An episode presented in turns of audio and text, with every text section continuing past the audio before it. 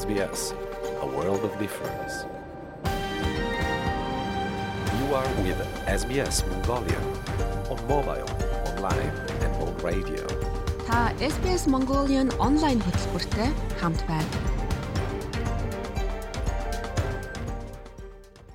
Сайн байцгаана уу? Австралид зугаа монголчуудаа. SBS радиогийн монгол хэл дээр хөтөлбөрийн ээлжид шин дугаар эхлэхэд бэлэн боллоо. Шинэ сар гарсан энэ өдрүүдэд та бүхэндээ цоошин нэвтрүүлгүүдтэй уулзахаар бэлэн болсон байгаадаа баяртай байна. Би сэтгүүлч ундраа Австралийн Мельбурн хотоос тантай мэдчилж байна. Бидний нэвтрүүлгээ түгээж буй энэхүү газар нутгийн уугуул эздэд талархал илэрхийлж байна. SBS Mongolian Colon үндэсний Wurundjeri Woi Wurrung хүмүүс тэдний өнгөрсөн ба одоо үеийн эхэс дээдсүүдэд хүндэтгэл үзүүлж байна. Мөн та бүхний сонсон сууж буй газар нутгийн Абориген болон Торресын хоолын арлын бүхэл уугуул эздэд бид талархан хүндэтгэл үзүүлье.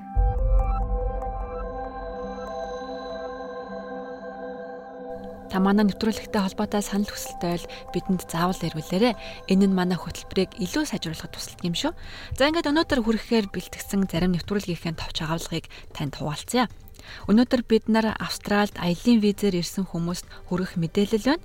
Хэрвээ та энд сургалтын виз мэдүүлэх гэж байгаа бол танд хэрэгтэй зөвлөгөөг бид нар боловсролын зөвлөх гэрэл мата хийсэн ярилцлагаараа хүргэх болно. Мөн Австральд оршин суух хөтөж булангаараа хатуу хог хаягдлыг Австральд хэрхэн хаядаг тухай мэдээлэл хүргэх гэж байна. Энэ бол гэрээ цэвэрлэх болон нүүх үед үргэлж гардаг гэр ахуйн тавилга босод томоохон эд зүйлсийг хатуу хог хаягдл хэмээн нэрлэж зөвхөн захиалга өгсөн айлуудын үүднээс очиж хогийг хамдгийм шүү. Тэгэхээр та хэрвээ буруу хаявал торгуулт төлөх аюултай яаж зөв хаях тухай яаж захиалга өгдөг тухай манай нэвтрүүлгийг сонсоорой. За бид нар дараагийн ярилцлагын булангаараа Австралид анх удаа Монголоос working holiday визийг авч ирсэн залуутай хийсэн ярилцлагыг хүргэх гэж байна. Маш олон хүмүүс манайг SBS Mongoliagаас энэ визний тухай мэдээлэл зөвлөгөө авахыг хүсдэг учраас энэ ярилцлагаа хүрэхээр бэлтгэлээ. За мэдээж төгсгөлд нь англи хэлний хичээл болон Монголын уран бүтээлч хамтлаг дуучдын уран бүтээлийг танд хүргэх болно. Ингээд бүтэн цагийн туршид хамтдаа байцгаая. Австрали улсад амьдарч эхлэх гэж байна уу? Хэрэгтэй мэдээллийг SBS.com.cg-ийн урагшаа зураас Mongolian хуудасаас хүлээн авах нь. Сайн байцгаана уу Австрали зугаа монголчуудаа. SBS радиогоос яг өнөөдөр монголчуудын дунд эрэлтэхтэй байгаа хоорондоо байнга ярилцж байгаа нэгэн сэдвээр ярилцлага хийхээр өнөөдөр зочноо ороод байна. Манай өнөөдрийн зочин Гэрэлма Кенгрүү агентлагийн боловсролын зөвлөх. Яг өнөөдрийн байдлаар Монголд байгаа Монголоос бидэнтэй онлайнаар холбогдож ярилцлага хийж байгаа юм. Сайн уу гэрлээ? За сайн ундраа мөн SBS радиогийнхаа бүх сонсогчдод энэ өдрийн мэндийг хүргэе. За баярлалаа. Сүүлийн үед Австралид Монголоос ирж байгаа хүмүүсийн тодорхой хувь нь аяллийн виз авч ирээд дараа нь тэр визээ оюутны виз рүү шилжүүлэн үргэлжлүүлэн сурна амьдран гэсэн төлөвлөгөөтэй маш олон хүмүүс ирж байгаа. Тэгэхээр хоёлаа энэ визийг солих процесс яаж үргэлжилдэг юм бэ? Магадгүй энэний цаашлаад Монголын одоо тэр assessment level гэж ярьдаг тийм Монгол улсын тэр виз гаралт нөлөөлдөг юм билүү гэсэн нэг тийм эргэлзээ хүмүүсийн байгаад байгаа чи энийг яг энэ салбарт олон жил ажилласан хүний бид нарт зөвлөгөө өгч ярилцаач ээ гэж хүсэж байгаа юм.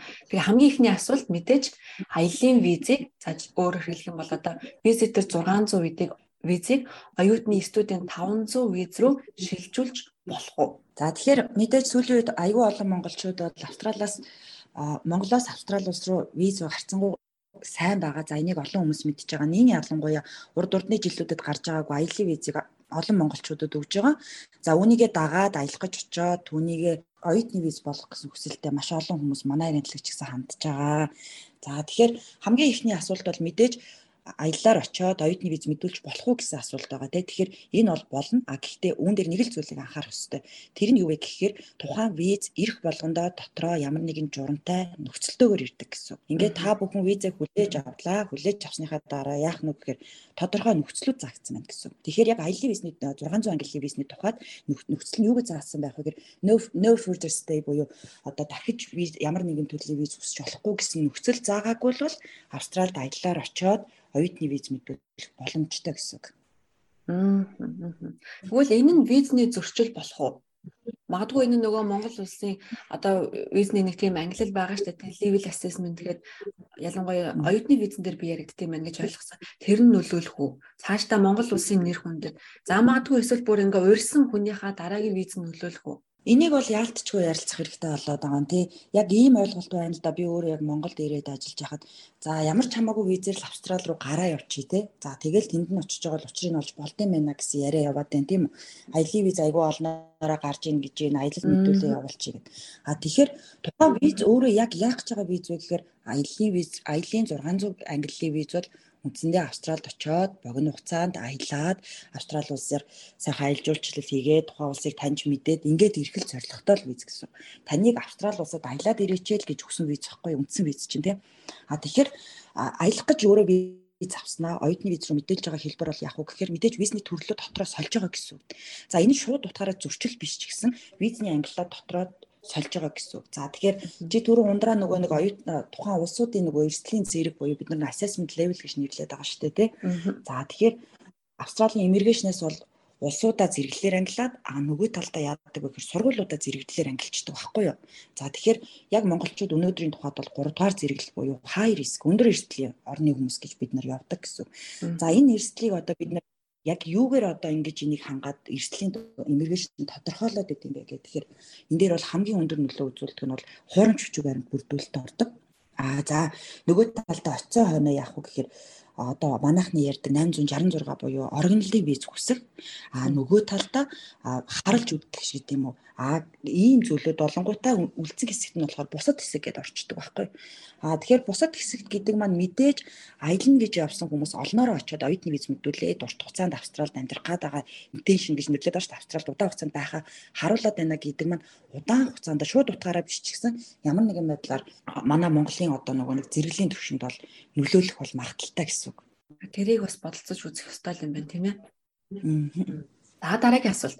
Аялын визийг оюутны виз болгоход татгалзах ямар шалтгаан байж болох вэ?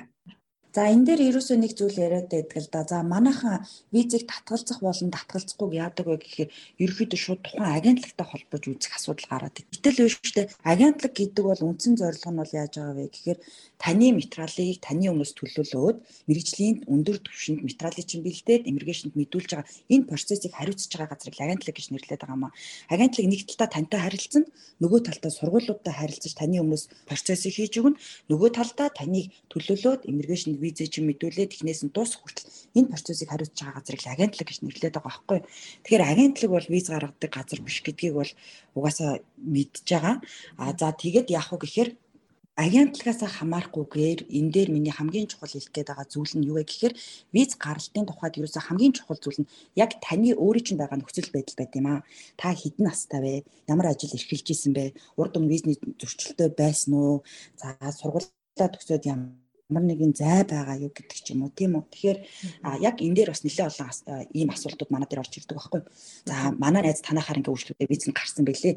Би яг ижлэхэн сургуульд нь ижлэхэн курсээр нь сунгуулад тэгээ виз авчия гэд. Тэгэхээр таны найзын кейс гэдэг бол одоо чинь таны яг өөрийн кейс биш ээ гэсэн үг байхгүй юу. За тэгэхээр амжилттай виз авахын тулд яадаг вэ гэхээр мэдээж бол нас аягүй чухал байдаг. Нас залуу байх тусмаа виз гаралт өндөр байдаг.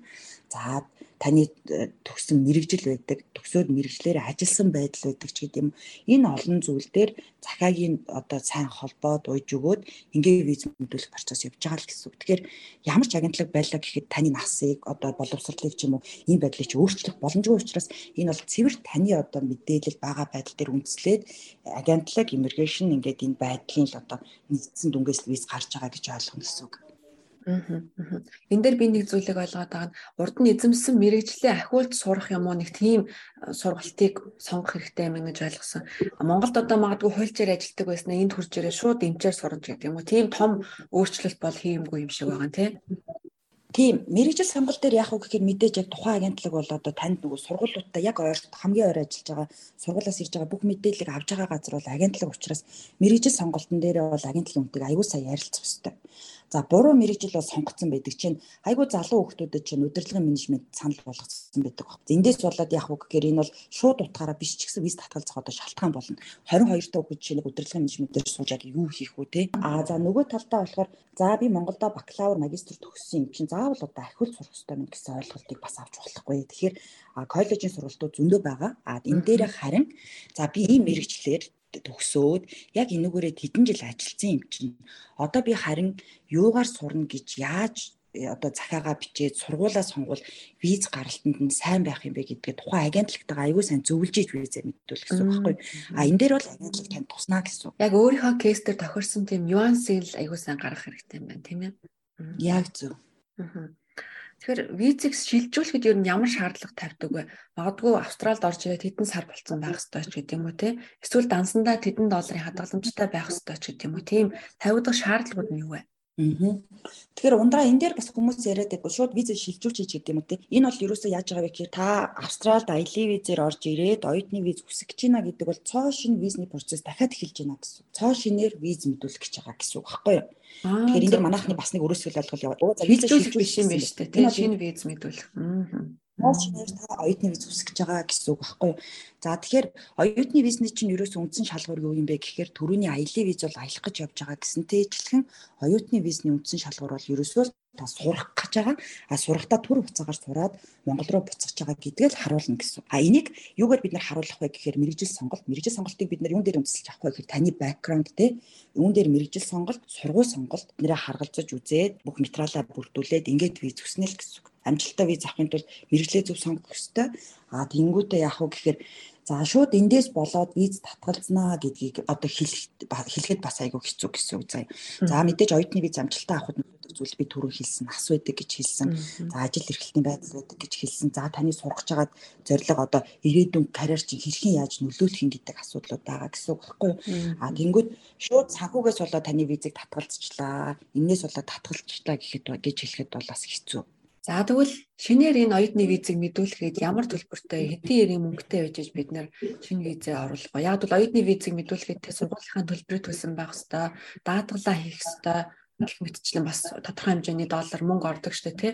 Энийг ер нь нэг хүний кейстэй дунджаар хоёлаа бодож үзвэл За тэгээ дунджаар хоёлоо бодож үзье. Тэгээ аялын визээр ороод ирчдэг. Тэгэнгүүтээ оюутны виз мэдүүлэхээр ингэж их мөнгө орно гэж бас санаагүй байх шиг байгаа. Хүмүүс нэлээд юм шокны байдалтай байх шиг байна. Тэгээ айгүй өндөр мөнгнүүд яригадаад байгаа. Аяллаар бол яг нэг ганц бие ороод ирсэн хүн нэг жил дөнгөж гарны юм уу нэг жилийн хилний бэлтгэл гэж монголчуудын ярьдаг хамгийн их сурдаг курс байдаг те. Аялын визээр орж ирлээ. Нэг жилийн хилний бэлтгэлээр Австрали улсад оюутны виз хүсэж байхад бол нэг дунджаар ганц бие хүн а 2 сарын сургалтын төлбөртэйгөө визнийхээ хурамжтайгаа нэг жилийнхээ даатгалтайгаа 3000-аас 3500 австрал доллар болж байгаа гэсэн. Ганц бие хүн за. Аа гэтэл яг одоо ямар нөхцөл байдал үүсээд байна гэхээр маш олон хүмүүс гэр бүлээрээ ороод ирсэн байгаа. За гэр бүлээрээ ороод ирсэн хүмүүс донд сургуулийн насны хүүхэдтэй хүмүүс айгүйх байгаа байгаа байхгүй юу? Тэгэхээр Австралийн нөгөө нэг сургуулийн насны хүүхдийн сургалтын төлбөр чи өөр айгүй өндөр гэдгийг угаасаа мэдж байгаа тий. Хэрвээ та бакалавр магистр сурах гэж байгаа бол 50% хөнгөлнө. За эхлэний бэлтгэл юм уу коллежээр сурах гэж байгаа тохиолдолд бол одоо чи New South Wales буюу монголчуудын хамгийн их амьдардаг Сидней хот байрладаг мужид бол хөнгөлөлт байдгүй байгаа. Тэгэхээр ийм жишээ айгүйх гарч лайна л да. Ээж аав нь хоёр хүүхэдтэй, хоёр хүүхэд нь сургуулийн насных ингээ хоёр хүүхдээ нэг гэрүүл виз бүс гэдэг байгаа байхгүй юу. Энэ тохиолдолд одоо жишээ нэг жилээр виз хүснэ гэж бодоход хоёр хүүхдийн сургалтын төлбөр өөрөөсөө нэг хүүхдийг 100000 орчим австрал доллар шүү дээ тийм үү. Энийний 50% өгөө сургуульд орлоо гэж бодоход 6 сарын сургалтын төлбөртэй гэхээр 5500 өгөөд байгаа байхгүй нэг хүүхэд. Тэгэхээр 11 мянган австрал долларыг хүүхдийн сургалтын төлбөрч өгөөд байна. А нөгөө талд ээж өмнө уучлаарай. Виз мэдүүлэхээс өмнө өгсөн байх ёстой байлаа. Аа үгүй үгүй. Энийг виз хөдөлгөөс өмнө өгсөн байх ёстой гэсэн журам байхгүй. Одоо ягаад тийм яриа яригадаад байгаа вэ гэхээр 2 сард буюу одоо манайхаар 9 сарын 1 болоод хичээлийн шинэ жилийн эсрэг тэглэх гээд байгаа шүү дээ. Австрал даяар тий. Тийм учраас л одоо нөгөө хүн божигнаад өөртөөгөө зэрэгцээд хүүхдүүдэд зэрэг энролинг хийж яваад байгаа бас нэг ийм зүйл болоод байгаа. Аа зөв цаг үеийн. Гэрийн үед болохоор Тийм тийм. А тэрнээс биш яг уу гэхээр та аялын визээр орж ирлээ. За аялын визний чинь үндсэн журам өөрөө 1 жилийн виз өгчөж байгаа. Максимум стей буюу 90 хоногийн хугацаанд австрал байх хэрэгтэй виз байгаа тийм. Тэгэхээр 90 хоног дотроо багтаад хүмүүс тагагийн визээ мэдүүлж байгаа байхгүй. А тэгэхээр ерөнхийдөө жирийн үед яаж явдаг вэ гэхээр өөрийнхөө визийг мэдүүлчихэд араас нь хүүхдийн сургалтыг хөөцөлт явж болдог байхгүй.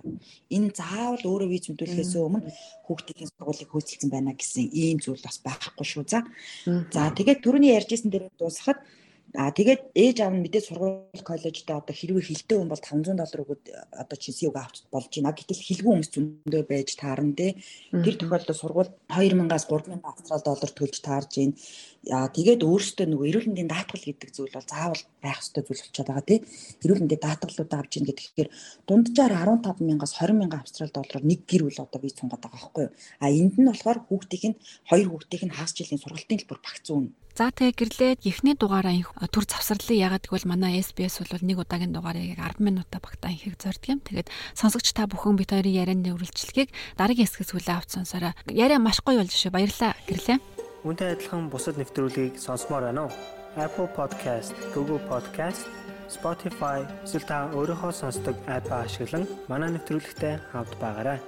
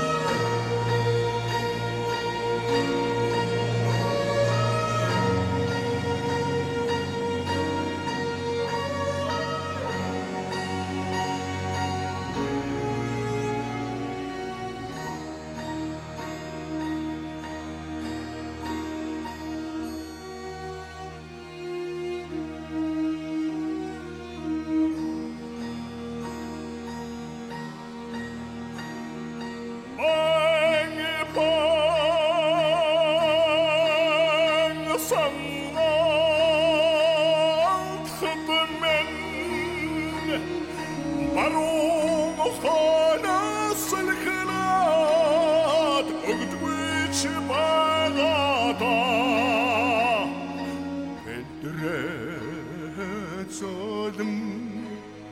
Sevşendi şublesin Hetsegeni içine unner Hissederdi uçbağa Dortalar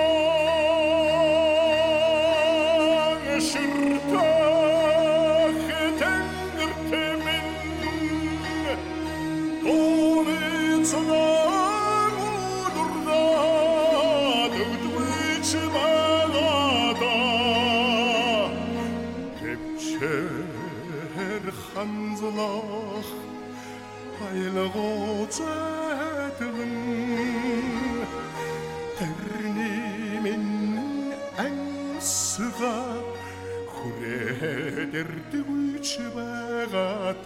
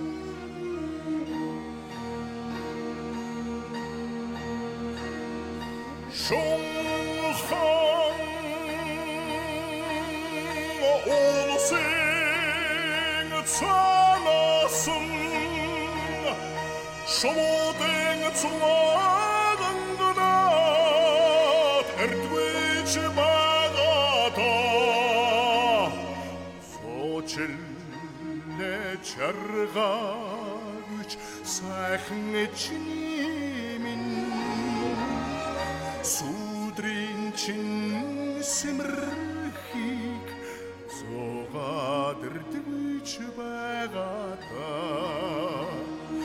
Суучлээ чаргаагүй сайхан чиний минь сүдрийн чин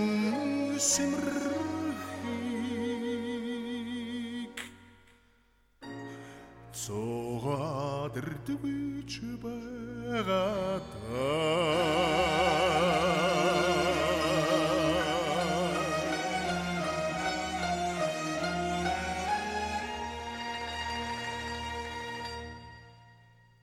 байгаадаа Сүдрийн чин сэмэрхийг зуугаа тэрдгүүлж байгаа да.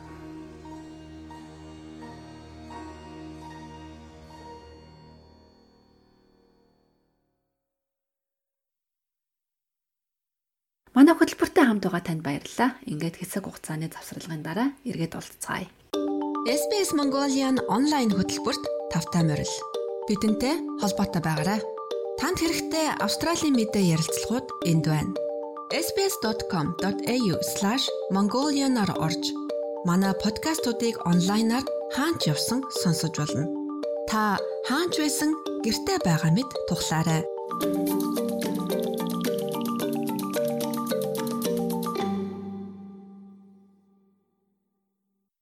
SBS Mongolian радио хөтөлбөртэй хамт байгаа танд баярлалаа. Одоо Австралид оршин суух хөтөч нэвтрүүлгийг хүлээн авч сонсцгоё.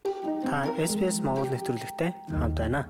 Австралид хатуу хог хаягдлыг цуглуулах үйлчилгээг ихэнх мужийн захиргаа өнгө үзүүлдэг. Гэхдээ хизээ ямар хогийг яаж цуглуулах тухай тусгай дүрм орон нутаг бүрт үйлчилдэг. Энэ удаагийн оршин суух хөтөч нэвтрүүлгээр өөрт хэрэггүй болсон эд зүйлсээ хэрхэн хариуцлагатай бөгөөд аюулгүйгээр үгүй хийх тухай ярилцах болно.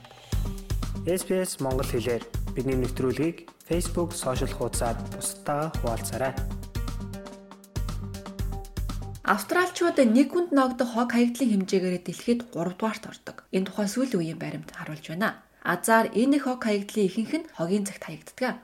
Орон нутгийн захиргаанаас гэр авахын хэрэггүй эд зүйлсийг цуглуулах үйлчилгээ үзүүлдэг. Энэ үйлчилгээ ихэнхдээ үнэгүй байдаг.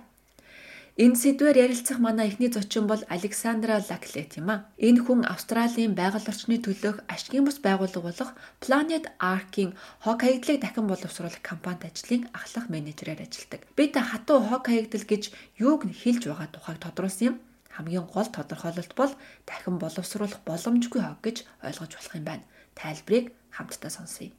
That's a very good example of something that cannot be recycled. Тавилга бол дахин боловсруулах боломжгүй хог гэдгийн хамгийн том жишээ. Ямар олон төрлийн материал энд ордог вүлээ те. За бүгдээрээ буйдан гэд бодоод үзэхэд суур болон их бие нь модоор хийгдсэн байлаа гэхэд ямар нэгэн даавуу нэхмэл эдлэлээр бүрсэн за нугсан төмөр металл эсвэл өөр юу ч орсон байж болно. Энэ буйданг зөв дахин боловсруулах нь бараг боломжгүй эсвэл маш өндөр зардалтай болдог. Тэгэхээр энэ нь хогийн зэгтэл хаягдах ёстой.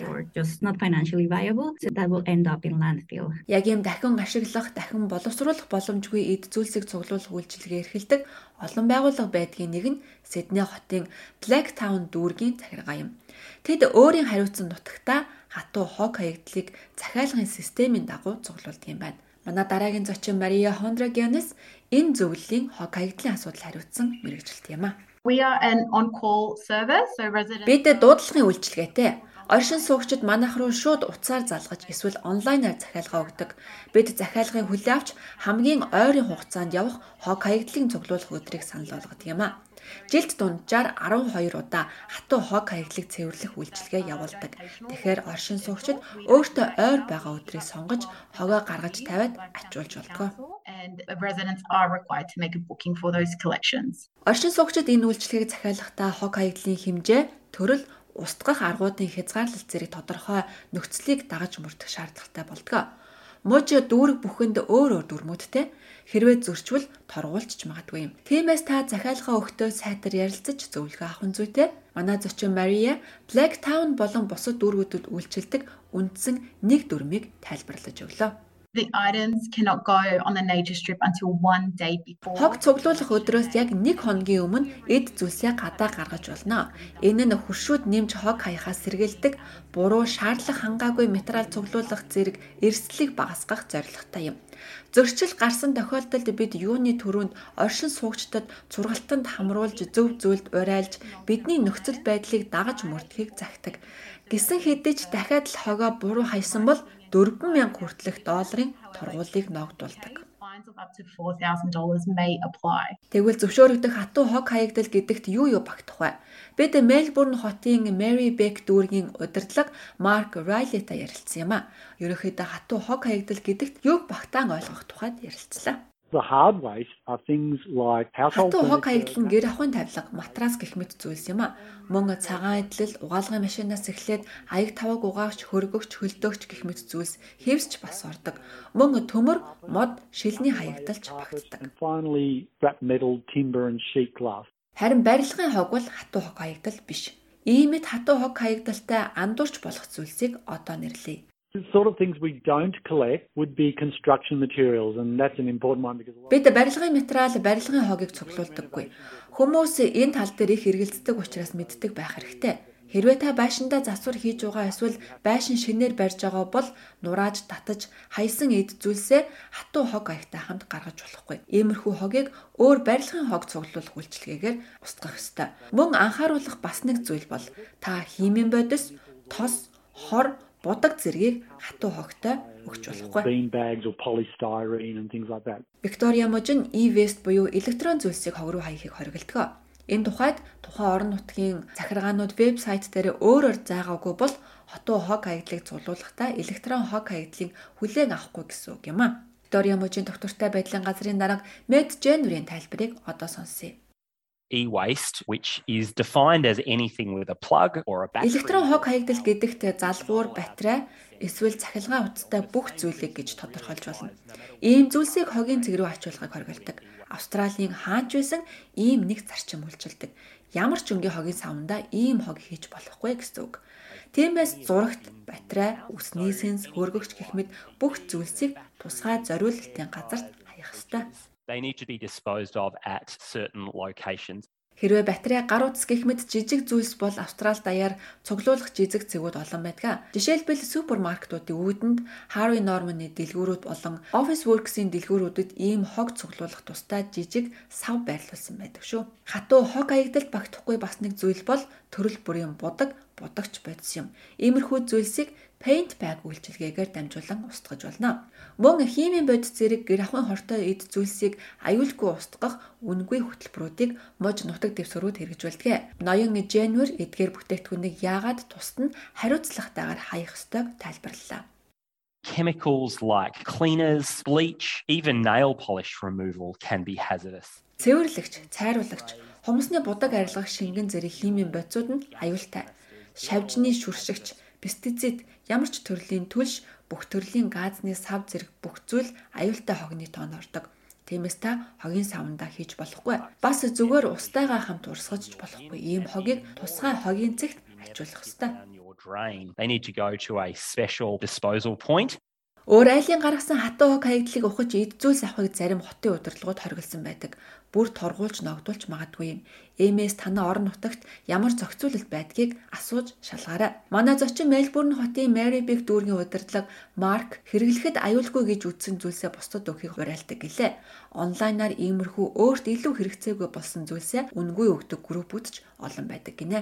If you're picking up something, it's really incumbent on you to check that it is safe to reuse. Хэрвээ та айлын гадаа тавьсан хатуу хог хаягдлаас ямар нэгэн зүйл авах гэж байгаа бол ялангуяа захилгаан хэрэгсэл бол дахин ашиглахад аюулгүй хэсгийг заавал шалгах ёстой. Та ийм үүрэгтэй. Манай хотын хувьд хэрэгэлсэн эд зүйлсээ өөр хэрэгтэй хүнд нь өгч дахин хэрэглээнд оруулахыг дэмждэг. Эд зүйлсээ сошиалар зар тавьж хэрэгтэй хүнийг нь олж болно шүү дээ.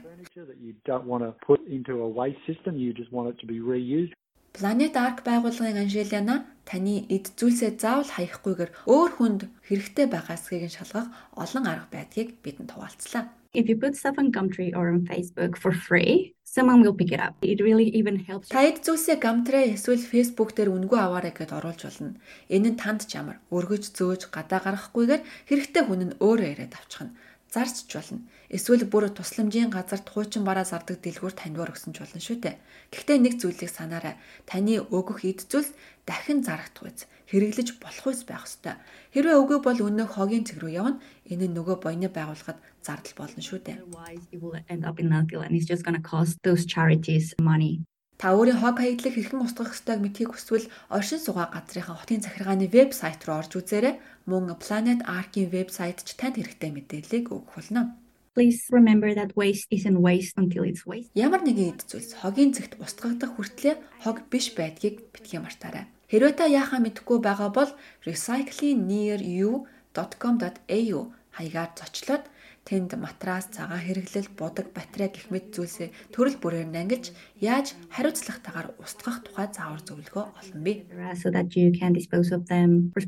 Австралид оршин суугатанд хэрэг болох хөтөч нэвтрүүлгийн энэ удаагийн дугаартаа хатуу хойг хаягдлыг хэрхэн торгуул төлөхгүйгээр зөв устгах тухай мэрэгжилтнүүдийн зөвлөгөөг хүргэлээ. Би 7 хоног бүр энэ мэт амьдралд ойр сэдвүүдээр нэвтрүүлэг бэлтгээд юм а. Хамт байсан баярлалаа. Баяртай. SPS A World of Difference Манай радио хөтөлбөр Монголын уран бүтээлчдийн дууг албан ёсны эрхтэйгээр танд хүргэдэг. Ингээд нэгэн уран бүтээлийг танд зориулъя.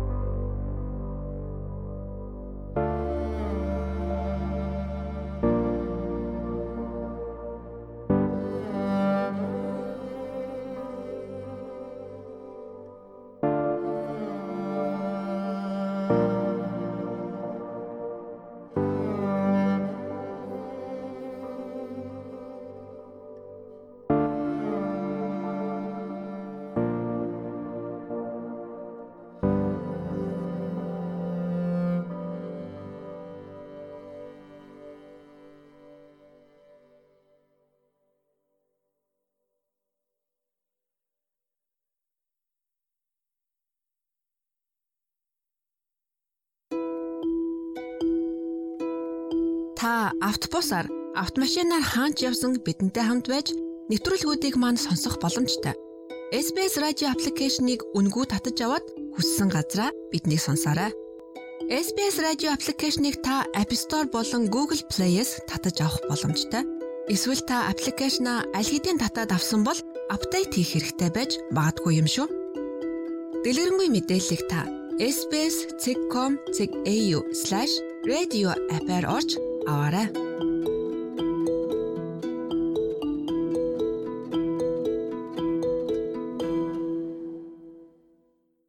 SBS Mongolian Австралийн өнцөг булан борт суугаа монголчуудынхаа түүхийг хуваалцдаг. Ингээд манай ярилцлагын болонд анхаарлаа хандуулно. Та SBS Монгол нэвтрүүлэгтэй хамт байна. Сайн мэцгааны сонсогчдоо SBS Mongolia та бүхэн 7 хоног бүр Австрали дахь монголчуудын амжилтын болон алдаа онооныхын түүхийг хуваалцдаг. Энэ удаад бид Working Holiday Visa-аар анх удаа Австралид ирсэн монгол хүнтэй уулзаад байна. Энэ бол 8 дугаар сарын ихээр хоёр иргэн яг энэ визээр ирлээ. Тэдний нэг Төр бат манай өнөөдрийн зочноор ирсэн юм аа. Сайн уу Төр бата? Сайн явж ирсэн үү? Аа сайн байна уу? Сайн явж ирсэн. Сайн сууж байгаа. За Австралид хизээ ирсэн бэ? Ямар байна? Анхны сэтгэл ер нь хэр байна? Анхны сэтгэл маш өндөр байна. Аа би 8 сарын 7-нд би Монголоос гараад 8 сарын 8-нд ирсэн байгаа. Тэгээд Сиднейд 3 он жогоод тэгээд энэ Брисбен гэдэг газар руу 11-нд ирсэн байгаа. Аа Австрали их үдгсэлэнтэй газар байна. Надад их таалагдж байна. Би өмнөөс нөгөө Америкт бас нэг юм гоё байгальтай газар байжсэн. Тэгээд ер нь бол их ойрхон санагдаж байна. Тэгээд яг энэ ферм дээр бол би ирээд одоо 3 дахь хоногийн хоног дээр явж байна да. А одоо бол яг Queensland-д адууны аж ахуйн ферм дээр байгаа гэж сонссон. Тийм тийм яг үнэ би яг адууны ферм дээр тэгээд янз янзын юм сураал байж байна да. За хоёул энэ удаагийн визний тухайд хүмүүс асуух сонирхох зүйл их байгаас. Тэгээд ямар шалгуур тавьсан, яаж одоо виза мэдүүлсэн, ирсэн хойноод яаж ухтав, цаашдаа ер нь яах юм байна гэсэн юм төлөвлөгөө өөрөөс чинь бас сонсыг хүсэж байгаа баха. Анх хоёлаа визнийхаа материалыг яаж бүрдүүлснээс эхлээд ярилцах уу? Чамд ямар шаардлагууд тавигдсан бэ? Тийм тийм. Би энэ 3 сарын сүүлээр одоо нөгөө Монголоос 100 маа үнэсэн мэдээллийг фэйсбүүкээр олж мэдээд тэгчингүүтээ ерөн бол ийм явагдах юм байна гэж бодож бодож ерөн төлөвлөж хагаад тэгээ хаашаа хандхаа гэж мэдэхгүй байсан. Тэгээд дараа нь олж мэдээд IDEX гэдэг агент лэхээр 7 сарын 1-ээс за нэг 5 хоногийн өмнө нөгөө олж мэдээд тэгээ бүх бичиг баримтуудаа гэс бүрдүүлээд хамгийн гол нь нөгөө IELTS-ийн 4.5 оноос дээшгээ оноотой байж яг энд хамрагдах боломжтой юм бэл хамгийн гол шалгуур нь энэ байгаа. А чамд бол оноо бэлэн байсан юм байна те? А би тийм 4 сарын 23-нд аль хэдийн шалгалтаа өгсөн байсан. А би Австралид сурахаар их төлөвлөж байсан байхгүй юу? Ихэндээ эхэлж нөгөө Австралид ирж нөгөө танилцчаад дараанаас би сурахаар төлөвлөж байгаа. За визний шалгуур дээр өөр ямар нэгэн онцгой шалгуур байсан уу? Хилнээс гадна? Аа, хилнээс гадна нэг онцгой шалгуурууд л байгаагүй. Аа, ямар нэгэн бизнес шалгуур дээрээс өмнө нь хийдэг байсан ажлын туршлага За эсвэл магадгүй одоо Австралид байх үеийнхөө өөрийнхөө амьдралын зардлыг гаргах одоо банкны тодорхой хэмжээний хадгаламж ч гэдэг юм уу тиймэрхүү зүйлийг бас шаардж ах шиг байдаг. Энэ төрлийн визэн дээр нь яадаг юм бэ? Тэгээ энэ төлбөр болохоор дансандаа 3000 доллартай байх харуулж ээж хэлж тэгж яасан байгаа. Тэгшингүүтээ бас нэг ойр зүрийн нөгөө ферм дээр ажиллаж байсан ч юм уу тиймэрхүү туршлага шаардаад ах шиг байлээ. Чиний хувьд бол өмнө нь ажиллаж байсан туршлага байсан уу те? Тийм туршлага бол надад огт байгаагүй. Над нь боломж нь гарч ирээд тэгээд явцсан байгаа. А тэгээс саяны ярианаас ойлгоход би визээ мэдүүлээд маш хурдан хариу нь гарсан юм шиг байна те? Аа визээ би мэдүүлээд яг 1 сар үлээсэн байгаа. Аа 7 сарын 1-ээс ахуулаад 8 сарын 3-нд би олж мэд 8 сарын 2-нд олж мэдсэн баха. Визээ гарсан гэдэг надад хариу нэрээд тэгээ шууд 7-нд 5 хоногийн дараа шууд явсан. Виз гарчлаа гэдэг мэдээг сонсоод ер нь сэтгэл ямар байсан? Баярлсан уу эсвэл айж төгшөх ямар мэдрэмж төрж байсан бэ? Аа, ерөн бол виз гарсан гэж их баярлсан. Тэгээ нэг их айдас бол байгаагүй. А виз гарахад тэр тийм зүйл хийж болно, болохгүй, ажиллах, ирэх, сурах их гэх мэтчлэн байдаг. Тэр талаар нь бас хүмүүс мэдээлэл өгвөл. А яг энэ визээр ирчингүүтээ сурах виз мэдүүлж болохгүй заавал Монгол руугаа буцаж очоод таж нөгөө сурах виз мэдүүлж болох юм байлээ. А хэрвээ үргэлжлүүлэн сурахаар бол тийм ээ. Тий одоо ирж хэрвээ нэг нэг жилийн хугацаатай хугацаанд дуусчвал Монгол руугаа заавал очиж сургууль руу аплай хийчихэж яах юм бэл үйл процесс нь явагдах юм бэл. Аа одоо өөрийн чинь хувьд Австралид ирж байгаа гол зорилго ер нь юу байгаа вэ? Ер нь бол Австрали улс руу би гэр бүл авчих бодолтой байгаа. Нэр хүүхд хоёроо.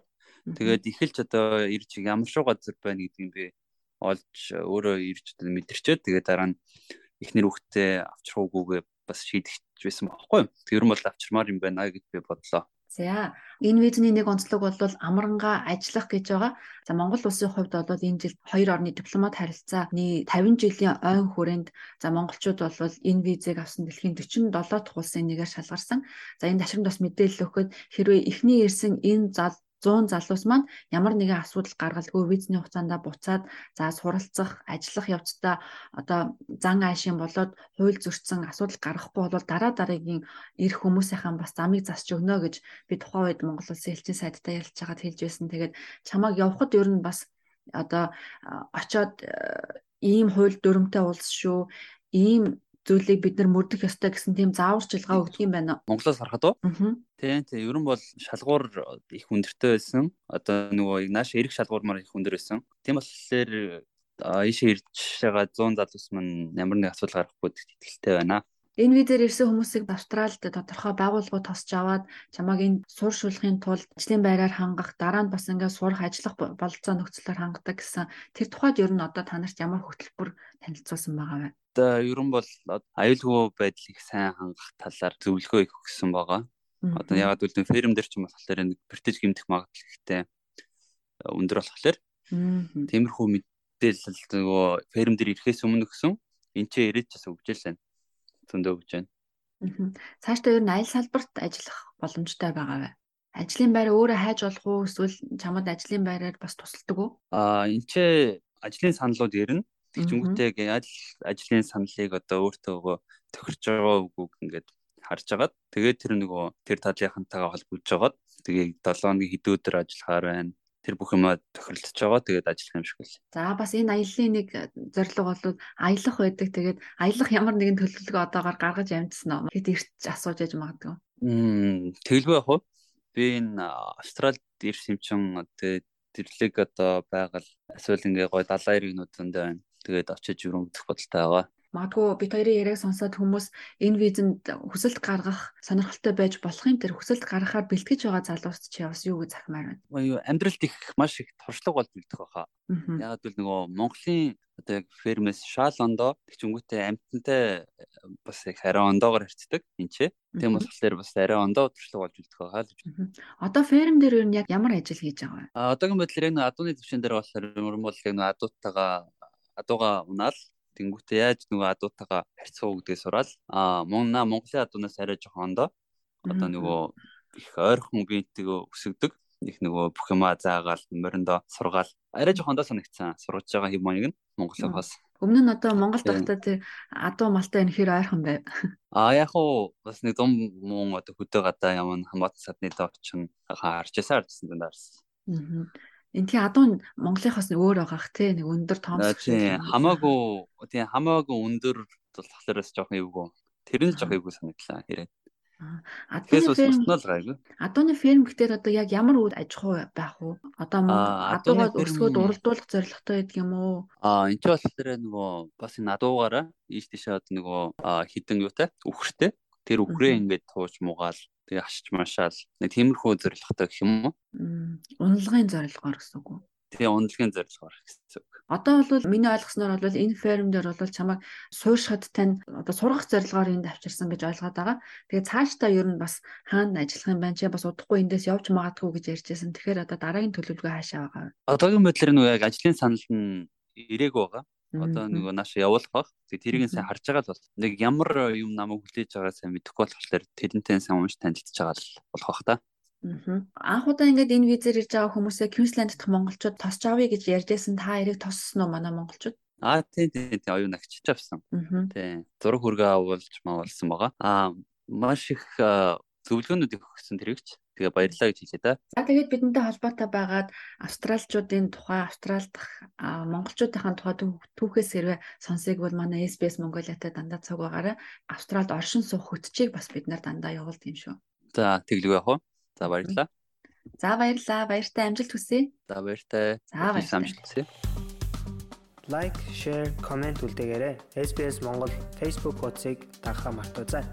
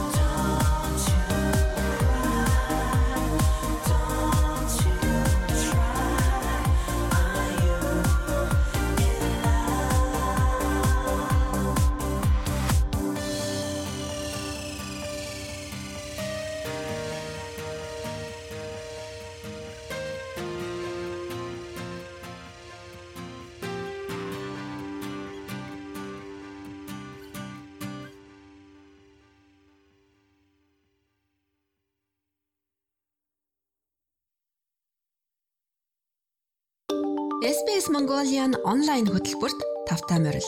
Бидэнтэй холбоотой байгаарай. sbs.com.au/mongolian-аар орж манай подкастуудыг онлайнаар хаанч явсан сонсож болно. Та хаанч байсан гэртээ байгаа мэт тухлаарай.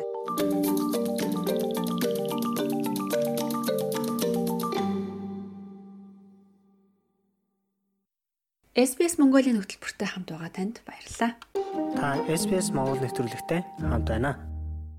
Австралид онлайн аюулгүй байдлыг хангах үүднээс авч болох арга хэмжээний нэг нь хэрэглэгчид өөрийн үнэмлэх зарим мэдээлэл шалгуулдаг болох гэж байна. Учир нь танилцах аппликейшнаар дамжуулан бэлгийн хүчирхийлэл хийх гэмт хэрэг буурахгүй байгаа учраас ийм арга хэмжээ авахар төлөвлөжээ.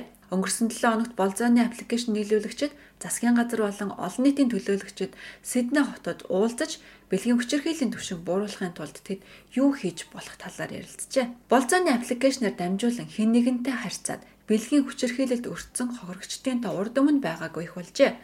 Бэлгийн хүчирхийлэл гэдэгт гаж бичлэг илгээж, бэлгийн дарамт үзүүлэх, доромжилсон үг хэллэг, занал хийлэл зэргийг онлайн хүчирхийлэлд тооцож байна.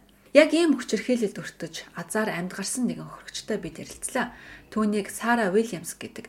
Тэрээр болзооны аппликейшн нь таныг блок хийхэд урд өмнө бичиж байсан бүх мессеж яриа автоматар устдаг болохыг хэллээ.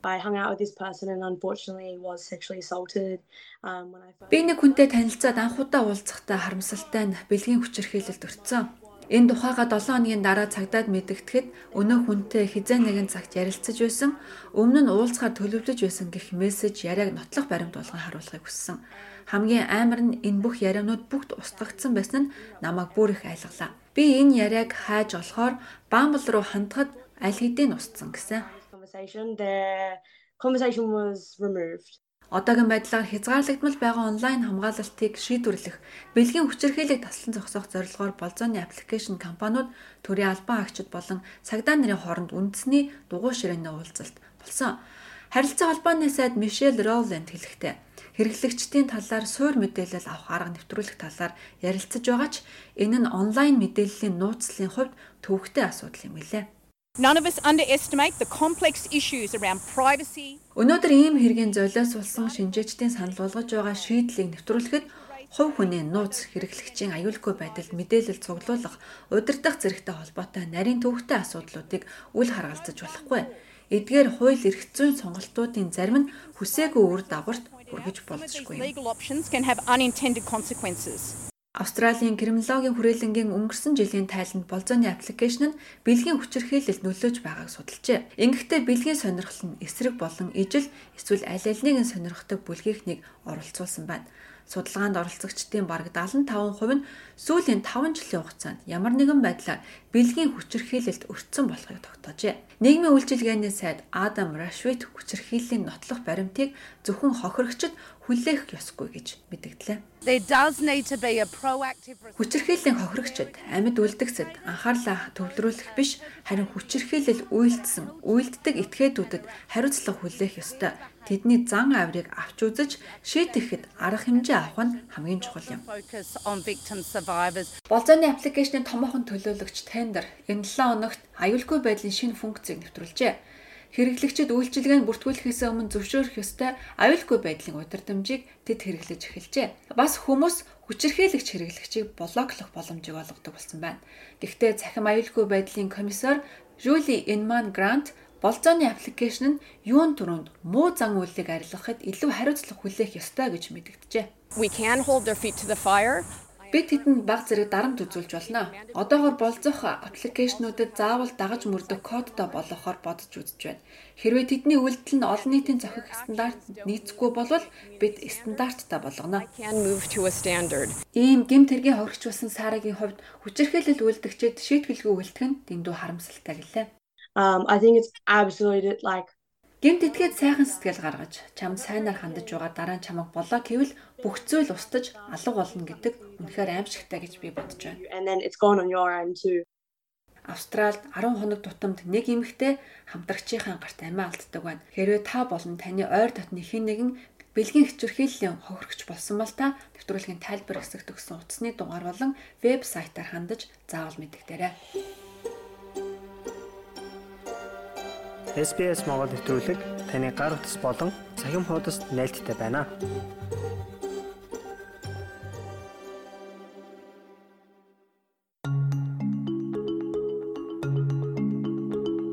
SBS Mongolian танд таалагдсан бол сошиал ертөнцид бидэнтэй холбогдож ярилцаарай. Та биднийг Facebook-ээс SBS Mongolian гэж хайгаад олох боломжтой. Манай хөтөлбөртэй хамт байсан та бүхэндээ баярлалаа. Нэмж хэлэхэд энэ бол туршилтын хөтөлбөр. Монголчууд хэр их сонсно тэр хэмжээгээр энэ хөтөлбөр маань цааш үргэлжлэх хэсэг нь шийдэгдэх юм шүү. Та бүхэн хөтөлбөртэй холбоотой санал хүсэлтээ бидэнд ирүүлээрэй. Мөн Австральд амьдардаг монголчуудаа манай SBS Mongolian хөтөлбөрийн тухай заавал дуулгаарай. Та бүхэн өдрийг сайхан өнгөрүүлээрэй. Хөтөлбөрөө бид нэгэн сайхан уран бүтээлээр өндөрлөж байна.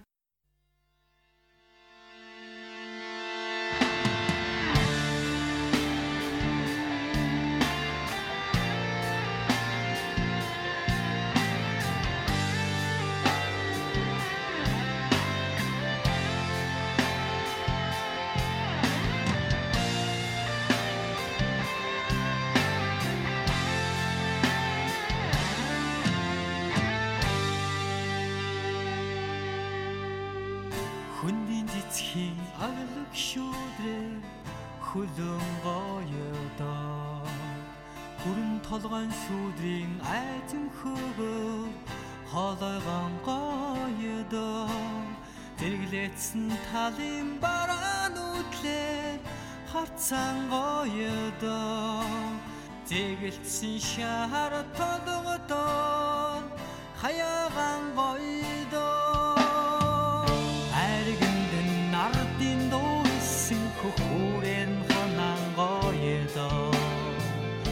Аяган нутын ардагсан өвдөрөн хамран гоёдоо Шилгишгүй ариун тонглог усын нар зү бүсэлж гоёдоо Шилжишгүй нутгийн хаан усын нас зүг түшиж гоёдоо Мордэрсэн наадмынхаа дурдам тоосорн дэлэн гойдоо Монгол гэсэн дургаан үсэгтэй бурхан нэрээр